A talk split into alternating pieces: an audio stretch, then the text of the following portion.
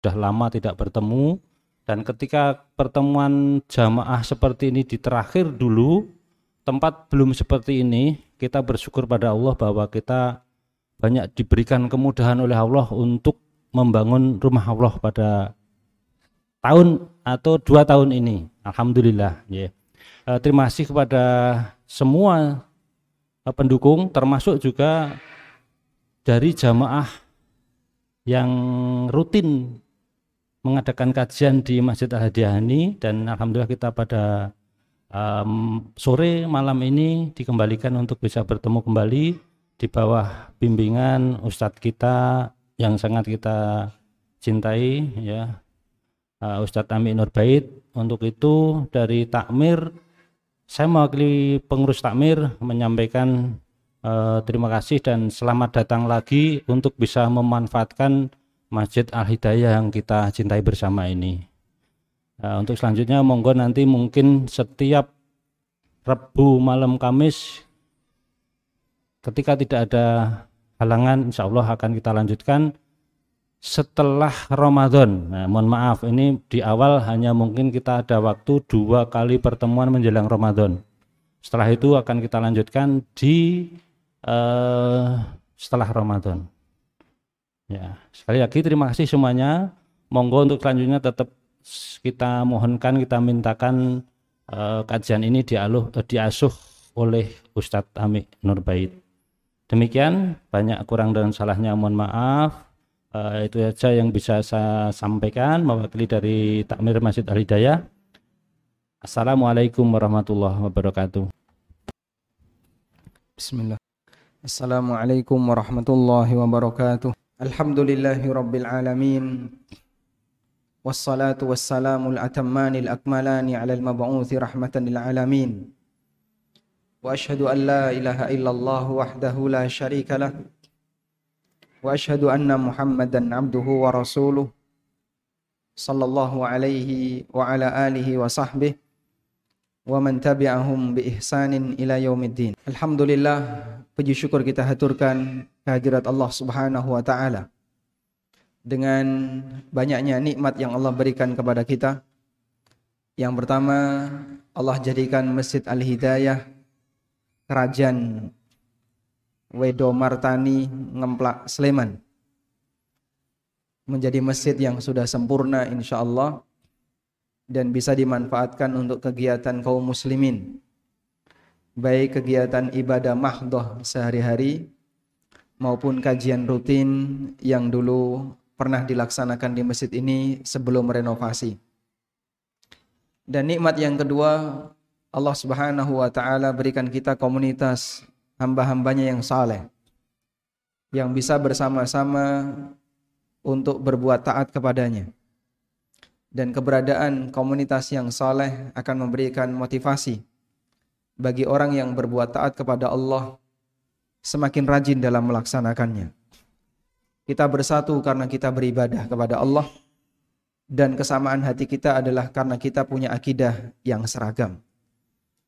Yang ketiga, Allah mudahkan kita untuk kembali melaksanakan kajian rutin di Masjid Al-Hidayah Kerajaan dengan membuka buku Al-Lu'lu' wal Marjan. Kembali kami ingatkan dan barangkali di antara pemirsa ANB channel belum mengenal bahwa kajian kitab Al-Lu'lu' wal Marjan adalah kajian rutin yang pernah diselenggarakan sebelum lahirnya ANB channel. Karena dulu kita waktu kajian tidak ada apa channel di AN, channel ANB di YouTube, tidak ada di Facebook dan seterusnya. Alhamdulillah sekarang bisa uh, dinikmati bersama juga termasuk teman-teman yang ikut secara online. Karena bukunya para jamaah belum hilang, maka kita lanjutkan dengan membuka kitab Al-Lu'lu' wal Marjan. Anda sudah lupa halamannya? Sudah belum? Hah? 325 insyaallah. Baik, silakan dibuka bagi yang membawa buku terjemahan dibuka di halaman 325. Kita akan membaca hadis nomor 382 hadis dari Abu Hurairah radhiyallahu anhu bahwa Rasulullah sallallahu alaihi wasallam bersabda Walladhi nafsi biyadih laqad hamamtu an amura bihatabin fayuhtaba. Ketemu hadis itu nomor berapa? Berapa? 382. Berarti sama ya. Laqad hamamtu an amura bihatabin fayuhtaba. Thumma amura bis salati fayu'adzana laha. Thumma amura rajulan faya'umman nas. Thumma ukhalifa ila rijalin fa uharriqa alaihim buyutahum. Walladhi nafsi biyadih law ya'lamu ahaduhum annahu yajidu arqan saminan aw mirma'ataini hasanataini la syahidal isya. Dari Abu Hurairah radhiyallahu anhu Rasulullah sallallahu alaihi wasallam bersabda, "Walladzi nafsi biyadi." Demi zat yang jiwaku berada di tangannya. Dan ini bagian dari sumpah siapa? Sumpah Rasulullah sallallahu alaihi wasallam. Ketika beliau bersumpah menyebut Allah Subhanahu wa taala dengan ungkapan demi zat yang jiwaku berada di tangannya. Artinya kalau sampai yang saya katakan ini salah, kalau sampai yang saya katakan ini keliru, maka saya siap jiwaku dicabut oleh Allah Subhanahu wa taala. Sehingga ini bukan kalimat sumpah yang sembarangan karena kalimat sumpah ini menegaskan tentang posisi ruh Nabi sallallahu alaihi wasallam yang ada di tangan Allah Subhanahu wa taala. Laqad hamamtu an amura bihatabin fayuhtab. Aku punya rencana untuk menyuruh orang agar mengumpulkan kayu bakar. Summa amura bis. Lalu aku suruh orang untuk melaksanakan salat, ngimami salat. Fayu'adzana laha. Kemudian dikumandangkan adzan. Summa amara rajulan fayu'amman faya'umman nas. Kemudian aku suruh orang untuk jadi imam. Summa ukhalifa ila rijalin bihatabin. Kemudian fauharriqa alaihim buyutahum. Lalu saya berangkat ke rumah orang yang dia tidak hadir sholat jamaah. Dan akan aku bakar rumah mereka. Walladhi nafsi biyadih. Demi zat yang jiwaku berada di tangannya. Lau ya'lamu ahaduhum. Andaikan mereka mengetahui. Annahu yajidu arkan saminan yang dimaksud dengan arkan samin adalah daging yang tebal. Kalau mereka menjumpai kalau mereka menjumpai adanya daging yang tebal au mirma ataini hasanataini atau sampilnya kambing pahanya kambing yang gemuk la syahidal isya tentu mereka akan mau mendatangi salat Isya. Andaikan di masjid itu digantung daging. Siapa yang pengen dapat daging, maka dia harus berangkat sholat Isya berjamaah. Tentu mereka akan datang untuk sholat Isya secara berjamaah. Hadis riwayat Bukhari dan Muslim.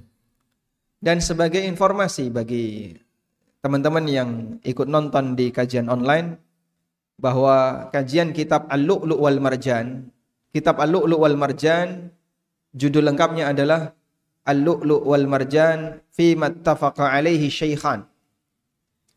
Kitab Al-Lu'lu' wal Marjan untuk kumpulan hadis yang disepakati oleh Bukhari dan Muslim sehingga semua yang dicantumkan dalam buku ini adalah hadis yang sahih riwayat Bukhari Muslim. Baik, sekarang kita akan jelaskan beberapa catatan terkait hadis ini. Dalam hadis ini kita bisa melihat Nabi Shallallahu Alaihi Wasallam bersumpah dan sumpah beliau terlaksana atau tidak? Sumpah beliau terlaksana atau tidak? Tidak terlaksana. Sehingga Rasulullah Shallallahu Alaihi Wasallam bersumpah dan beliau terkadang tidak melaksanakan sumpahnya. Karena itu para ulama mengatakan bahwa tidak melaksanakan sumpah bukan termasuk perbuatan dosa. Bahkan Allah Subhanahu wa taala melarang dalam Al-Qur'an Jangan orang memegangi sumpahnya sampai membuat dia terhalangi untuk berbuat baik. Misalnya, ada orang yang saking bencinya sama orang lain. Lalu dia bersumpah, demi Allah, aku ora bakalan mebomamu. Padahal orang ini saudara atau tetangga dekat. Pada satu waktu emosi itu sudah mulai reda. Ketika emosinya sudah mulai reda, kemudian temannya mengadakan hajatan atau saudaranya mengadakan hajatan, dia turut diundang. Bingung dia. Masuk rumah atau tidak? Padahal dia sudah pernah bersumpah demi Allah tidak akan masuk ke rumah orang ini. Dadi godong rata soek, dadi banyu rata cawuk. Orang bakal demek, nggak bakalan nyentuh sama sekali karena saking emosinya orang itu sampai dia bersumpah tidak akan masuk ke rumahnya. Nah pada waktu dia sudah bermaaf-maafan, dia tertahan oleh sumpahnya. Sudah baikan, tapi si A ini diundang oleh B untuk masuk ke dalam rumahnya. Bingung dia. Lah kue kadung sumpah. Mosok ngelek itu, ludah kalau sudah dikeluarkan, masa harus ditelan ulang. Akhirnya dia nggak mau untuk masuk ke dalam rumahnya. Sudah baikan, datang, tapi ketika hajatan nunggu di luar. Karena alasannya apa? Memegangi sum, sumpah. Sikap ini salah atau benar? Sikap seperti ini salah atau benar? Salah. Kenapa salah? Batalkan sumpahmu, bayar kafarah. Tapi saya sudah terlanjur bersumpah, menyebut nama Allah. Bahkan tak tambahi sunan Kalijogo. Sehingga waktu dia bersumpah demi Allah, demi sunan Kalijogo. Meskipun ini haram ya. Karena bersumpah dengan menyebut selain Allah Subhanahu wa taala. Maka tetap harus kau batalkan sumpahmu. Karena membatalkan sumpah untuk yang lebih baik hukumnya diperbolehkan bahkan diperintahkan. Allah Subhanahu wa taala berfirman, "Wala taj'alullaha urdatan liaymanikum an tabarru wa tuqsitu bainan nas." Janganlah kau jadikan Allah sebagai sasaran sumpah kalian antabarru wa tuqsitu bainan nas sehingga menyebabkan kalian tidak mau berbuat baik atau bersikap adil di hadapan manusia. Allah melarang. Jangan kau jadikan Allah sebagai alasan. Dan yang dimaksud menjadikan Allah sebagai alasan adalah orang itu beralasan wes kadung sumpah orang apik nek tak cabut. Padahal itu dilarang oleh Allah Subhanahu wa taala dalam Al-Qur'an. Karena itu bagian dari yang diperbolehkan oleh Nabi Shallallahu Alaihi Wasallam ketika beliau bersumpah dan ada sesuatu yang lebih baik untuk beliau menyalahi sumpah itu maka beliau tinggalkan sumpah itu dan beliau bayar kafarah. Baik, karena itulah ciri orang munafik bukan melanggar sumpah, tapi melanggar janji. Sama atau beda ini? Beda. Ayatul munafiqina thalath.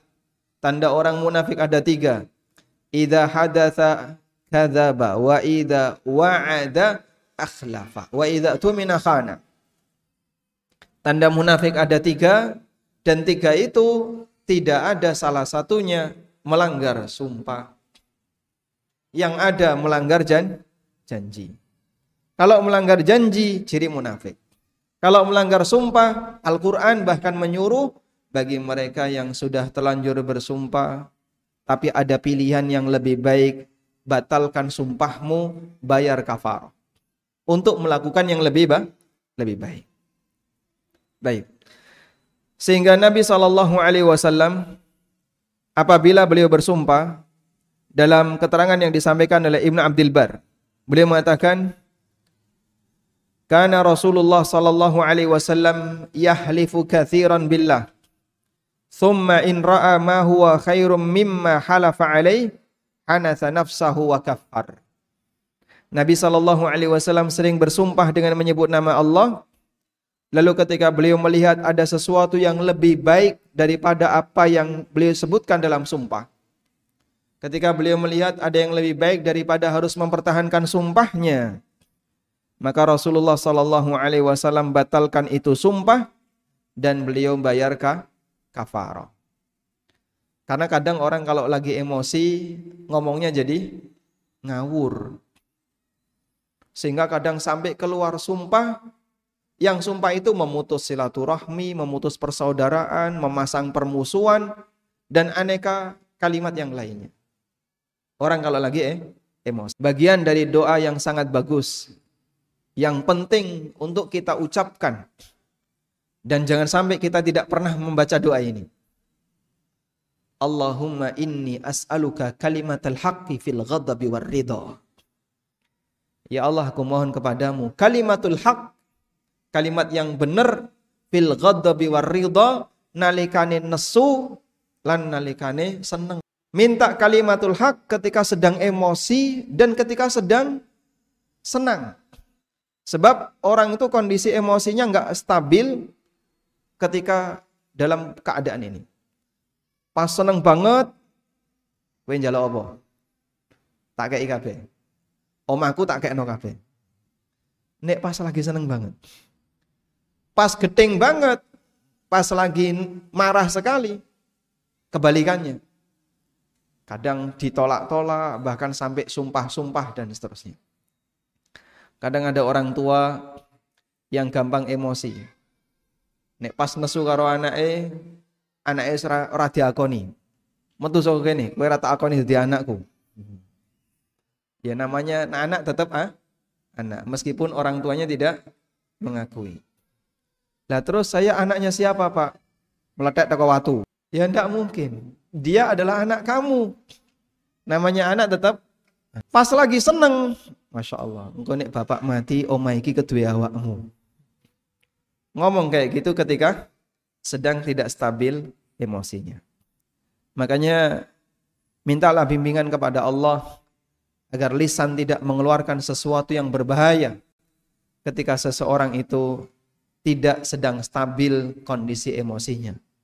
Baik benci sekali atau senang sekali. Sehingga kita tidak membiarkan lisan kita mengucapkan sesuatu yang berbahaya bagi diri kita maupun bagi keluarga kita. Selanjutnya, Nabi Shallallahu Alaihi Wasallam menyampaikan rencana ini. Demi zat yang jiwaku berada di tangannya, aku punya rencana. Akan nyuruh orang untuk mengumpulkan kayu. Setelah itu aku perintahkan, laksanakan sholat. Kamu jadi imam, kumandangkan azan. Nanti saya akan datangi orang yang nggak sholat jamaah.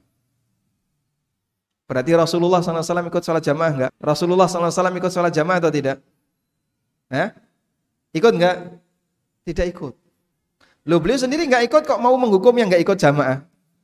Kan sama-sama enggak jamaah. Iya. Leras mboten. Beliau nyuruh orang lakukan sholat jamaah, kamu jadi imam, kumandangkan adzan, komat, saya akan hukum yang tidak sholat jamaah, tak datangi rumahnya. Loh, beliau sendiri kan tidak ikut sholat jamaah. Lalu kenapa beliau menghukum orang yang tidak ikut sholat jamaah? Jawabannya bagaimana? Beliau petugas. Kalau petugas dikecualikan. Sehingga kalau petugasnya ikut sholat jamaah terus ngurusi ini sopo gitu. Yang ngurusi ini sih nggak ada. Maka untuk petugas punya hukum yang berbeda dengan yang bukan petugas. Ada sebagian orang yang kadang komentar. Itu ada orang ya sudah di Masjidil Haram di depan sof yang pertama mong berdiri tinggal tinggo orang melu sholat. Di Masjidil Haram loh Pak. Kalau di Masjid Al Hidayah nggak sholat kan mungkin masih maklum ya. Wis ceton yang Masjidil Haram. Ya. Di depan sof yang pertama. Dekat dengan imam. Cuman berdiri tinggal tinggo orang melu sholat. Ngopo ibu? Siapa itu Pak? Petugas. Askar. Nah kalau petugas ikut sholat jamaah, terus yang mengamankan siapa? Nggak fungsi jadinya. Sehingga ada askar yang mereka bertugas mengamankan para imam masjid, baik di Masjidil Haram maupun Masjid Nabawi. Kok kemudian dia diam saja, bahkan menghadap ke arah makmum, lalu tidak ikut sholat jamaah. Bukan karena dia nggak mau sholat jamaah, karena ini sedang bertugas. Sehingga kalau bertugas, ya dia harus laksanakan tugas itu. dia punya hukum khusus yang tidak berlaku bagi yang lain. Kaya ngono ono wong sing komentar. Seperti itu ada orang yang komentar. Dikomentari. Ini aneh, askar ini. Askar di Masjidil Haram, di Masjid Nabawi ya. Waktunya sholat jamaah malah sholat. Rampung sholat, gek sholat. Itu kan masbuk nemen toh pak. Rasa dikomentari mas, mereka ini adalah orang yang sedang menjalankan tuh tugas. Dan orang kalau menjalankan tugas, dia punya hukum khusus pengecualian yang tidak berlaku bagi yang lain. Ada satu cerita yang ini dialami oleh salah satu dialami oleh guru saya Al Ustadz Al Fadil Aris Munandar taala wa Beliau pernah pulang dari umroh satu pesawat dengan TKI. Laki-laki ya. Terus TKI ini cerita. Saya kemarin tuh sempat ditangkap sama petugas. Kenapa mas? Karena nggak hadir sholat jamaah. Karena tidak hadir sholat jamaah. Terus sudah lepas dia. Ya ditangkap, ya dikasih denda. Kemudian dia dilepas. Terus TKI ini komentar. Wong dia sendiri juga nggak sholat jamaah kok nangkepin yang nggak sholat jamaah? Lah kalau petugas sholat jamaah terus yang nyekel kamu siapa? Yang merapikan, yang bertugas untuk menyuruh orang agar sholat jamaah terus siapa? Kalau semuanya sholat jamaah. Sehingga petugas itu punya hukum khusus.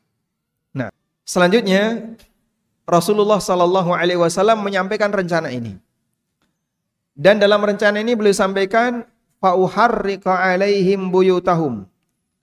Akan aku bakar rumah-rumah mereka. Ini menjadi dalil bahwa diperbolehkan memberikan hukuman dalam bentuk ngerusak harta. Boleh memberikan hukuman dalam bentuk ngerusak harta. Karena hukuman yang diberikan oleh Nabi Shallallahu Alaihi Wasallam kepada orang ini apa? Mau dibakar rumahnya. Sehingga Rasulullah Sallallahu Alaihi Wasallam mau memberikan hukuman dalam bentuk merusak harta orang yang tidak ikut sholat jamaah. Maka ini dalil boleh memberikan hukuman dalam bentuk merusak harta. Dan beberapa kali Rasulullah Sallallahu Alaihi Wasallam melakukan seperti itu. Di antaranya Nabi Sallallahu Alaihi Wasallam pernah melihat ada orang yang pakai cincin emas Lalu oleh Nabi Shallallahu Alaihi Wasallam orang ini dipegang tangannya. Setelah beliau pegang tangannya, ditarik cincinnya. Setelah ditarik, dibanting. Sambil mengatakan, Ya'midu ahadikum jamratan minan Ada orang yang sengaja menggenggam bara api neraka dan dia taruh di tangannya, terus dibanting. Nah, sahabat yang diperlakukan seperti ini, diam saja dan enggak berontak ngelawan ya, di hadapan beliau Rasulullah Sallallahu Alaihi Wasallam karena dia memakai cincin emas. Begitu dipanting Nabi Wasallam pergi. Orang ini tetap diam di situ. Terus ada seseorang yang menyarankan, coba kamu ambil, kasihkan ke istrimu. Beliau melarang karena yang pakai laki-laki. Tapi kalau yang pakai perempuan, nggak masalah. Apa kata sahabat ini? Ma'akhudhu ma tarahahu Rasulullah sallallahu alaihi wasallam. Aku tidak mau mengambil sesuatu yang sudah dibuang oleh Nabi sallallahu alaihi wasallam. Emas, Pak. Kira-kira harganya berapa, Pak, cincin emas? Ya, kira-kira yang paling 30% kadarnya ya. Minimal sejuta lah atau di bawah itu. Tapi ada di hadapannya dan sahabat itu tidak mengambil. Dan itu contoh bentuk hukuman apa? Harta. Sehingga orang yang berbuat salah, dia boleh mendapatkan hukuman maliyah. Dia boleh dapat hukuman dalam bentuk harta. Selanjutnya, Nabi Shallallahu Alaihi Wasallam ketika menyampaikan rencana ini tidak jadi beliau lakukan, sehingga itu tidak beliau laksanakan. Sehingga beliau hanya menyampaikan ancaman, tapi setelah itu tidak beliau laksanakan. Terus gimana Pak hukumnya? Berarti kan beliau ingkar janji. Anda salah. Ini bukan ingkar janji. Bedakan antara janji dengan ancaman. Kalau berjanji bentuknya adalah berencana untuk memberikan kebaikan. Berencana untuk memberikan kebaikan kepada seseorang dengan rencana yang kuat. Misalnya, besok kalau kamu sholat jamaah tak kasih hadiah 10 ribu. Saya janji. Ini mau memberi apa? Kebaikan. Ini bentuknya mau memberi kebaikan. Inilah yang disebut dengan al-wa'du. Ini disebut dengan al-wa'du. Bedakan dengan yang kedua. Yang kedua bentuknya ancaman. Ancaman itu rencana untuk memberikan keburukan kepada orang yang melakukan pelanggaran. Itu ancaman. Besok kalau kamu tidak datang sholat isya, tak deplok kamu. Masya Allah. Ya. Hukumannya Masya Allah ya. Nanti kamu akan saya cubiti. Dia dikasih ancaman dengan hukuman tertentu. Sehingga ketika orang dikasih ancaman seperti ini, bentuknya adalah sesuatu yang menakutkan. Ya? Yang kedua ini disebut dengan al-wa'id. Yang kedua ini disebut dengan al-wa'id. Mengingkari al-wa'du itu ciri munafik. Dan ingkar kepada al-wa'id itu bentuk amal soleh, kebaikan. Karena tidak mewujudkan ancaman berarti bentuknya adalah memaafkan. Begitu ya? Al-afu. Ketika tidak melakukan ancaman berarti bentuknya apa? Al-afu. Karena itu Allah Subhanahu wa taala tidak mewujudkan ancamannya dengan Allah memberikan ampunan kepada hamba. Dan orang Khawarij gagal dalam memahami ini. Orang Khawarij gagal dalam memahami ini. Maka menurut orang Khawarij nek ana menungso nglakoni dosa gede wajib nyemplung neraka sak lawase. Kalau ada orang yang melakukan dosa besar, maka dia wajib masuk neraka selamanya. Ini pemahaman siapa? Khawarij. Dan ini pemahaman yang tidak benar. Sebab pelaku perbuatan dosa besar tidak sampai keluar dari Islam. Orangnya tidak kafir. Berarti Allah kalau berjanji atau Allah kalau memberikan ancaman, siapa yang makan riba maka masuk neraka. Siapa yang berzina masuk neraka. Siapa yang berbuat ini masuk neraka. Kalau itu tidak diwujudkan, berarti kan Allah ingkar janji. Dijawab oleh para ulama, kamu salah paham. Bedakan antara janji dan ancaman. Kalau mengingkari janji itu bohong, dusta, nggak boleh. Tapi kalau mengingkari ancaman itu sama dengan memaafkan. Dan Allah Ta'ala menegaskan dalam Al-Quran, Innallaha Innallaha la yukhliful mi'ad. Sesungguhnya Allah tidak mengingkari al-mi'ad. Al-mi'ad itu janji, bukan an ancaman. Kalau ada orang yang dikasih ancaman, siapa yang berbuat ini masuk neraka. Siapa yang berbuat ini kekal di neraka. Lalu Allah maafkan, boleh atau tidak? Itu bagian dari afwun yang datang dari Allah Subhanahu wa taala dan salah satu di antara nama Allah adalah Afuwun.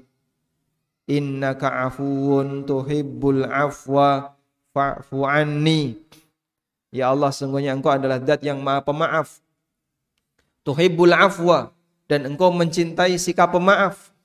Fa'fu anni karena itu maafkanlah aku. Dan Nabi Shallallahu alaihi wasallam termasuk di antara manusia yang sangat pemaaf. Maka kalau ada orang yang berbuat salah kepada beliau, beliau maafkan. Sehingga Nabi Shallallahu Alaihi Wasallam tidak jadi mewujudkan ancaman ini karena beliau maafkan dan memaafkan itu tidak dilarang kecuali untuk memaafkan yang kaitannya dengan hukum Allah. Ya. Misalnya yang sudah diputuskan orang ini dapat hukuman cambuk karena berzina dan terbukti maka tidak boleh dimaafkan, harus ditunaikan. Selanjutnya, kenapa Rasulullah Shallallahu Alaihi Wasallam memaafkan?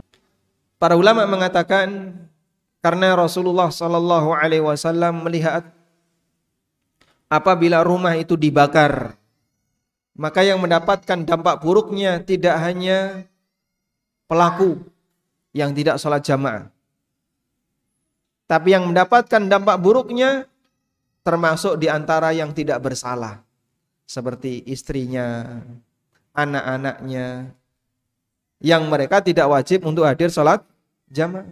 Nah kalau omai diobong, bojone rande oma, anak-anaknya rande oma. Ada orang lain yang tidak bersalah yang turut mendapatkan dampak buruknya. Karena itu Rasulullah Shallallahu Alaihi Wasallam tidak mewujudkan ancaman ini dan beliau memaafkan. Selanjutnya berdasarkan hadis ini, maka sebagian ulama memahami sholat jamaah hukumnya fardu ain. Sholat jamaah hukumnya fardu ain. Dan ini merupakan pendapat Dawud Al-Zahiri dan beberapa ulama madhab Zahiriyah dan pendapat sebagian ulama Hambali. Sedangkan jumhur ulama memahami bahwa sholat jamaah hukumnya fardu kifayah. Sementara Syafi'iyah memahami sholat jamaah hukumnya sunnah muakkadah. Sunnah yang sangat ditekankan. Ada khilaf di antara para ulama berkaitan dengan hukum sholat jamaah. Ada yang memahami itu fardu ain, ada yang memahami fardu kifayah, dan ada yang memahami sunnah muakkadah. Tidak ada satupun ulama yang mengatakan sholat jamaah hukumnya makruh, nggak ada. Ya.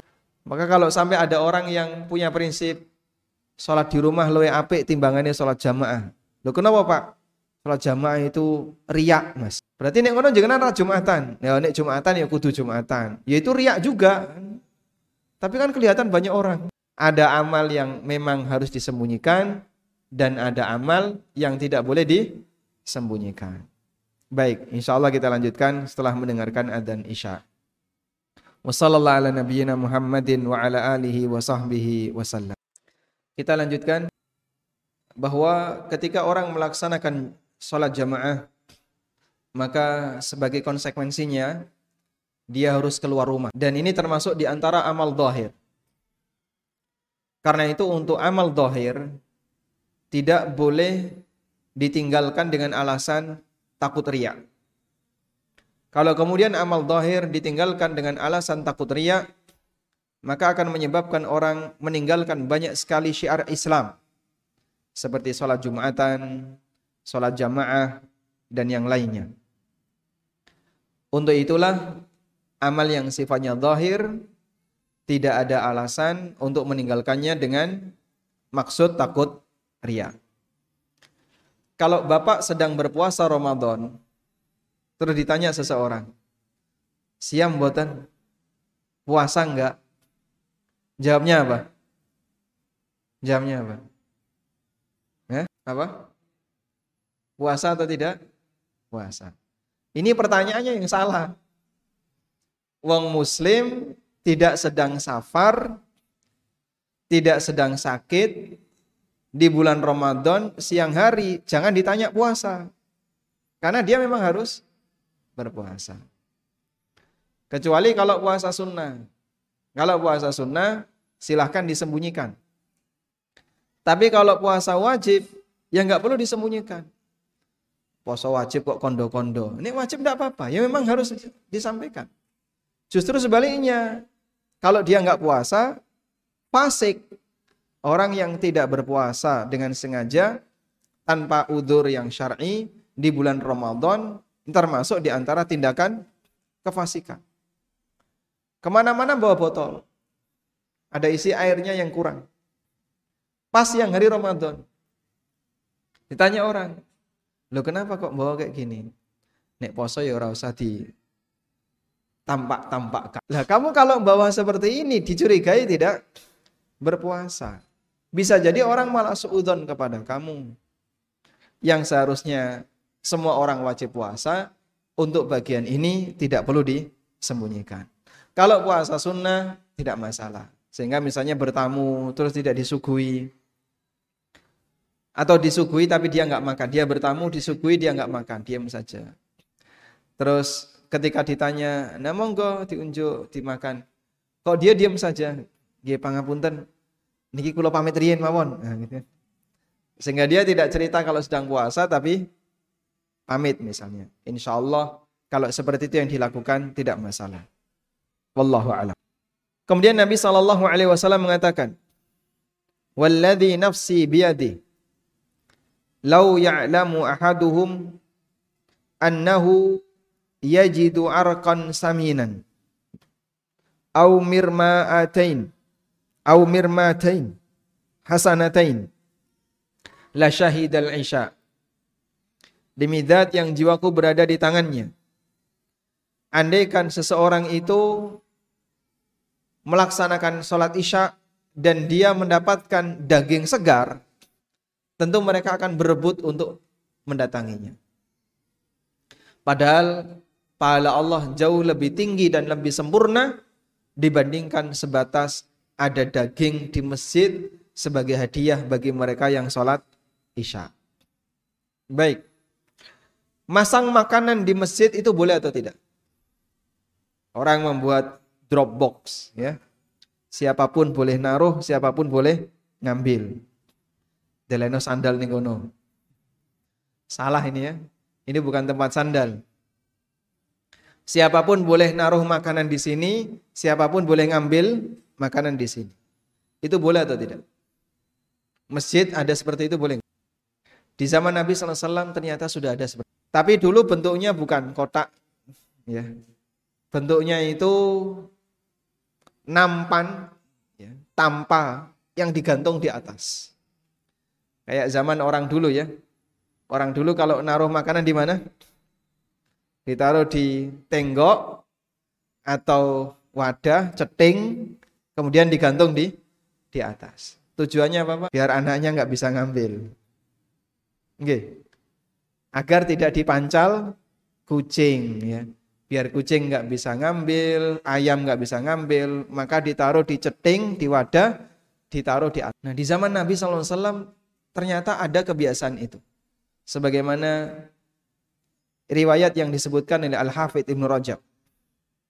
Ditaruh di depan-depan masjid wadah-wadah itu. Nah penduduk asli Madinah atau mereka yang punya pekerjaan di Madinah lalu duit sisa makanan atau dia punya masak tertentu, tinggal ditaruh di situ.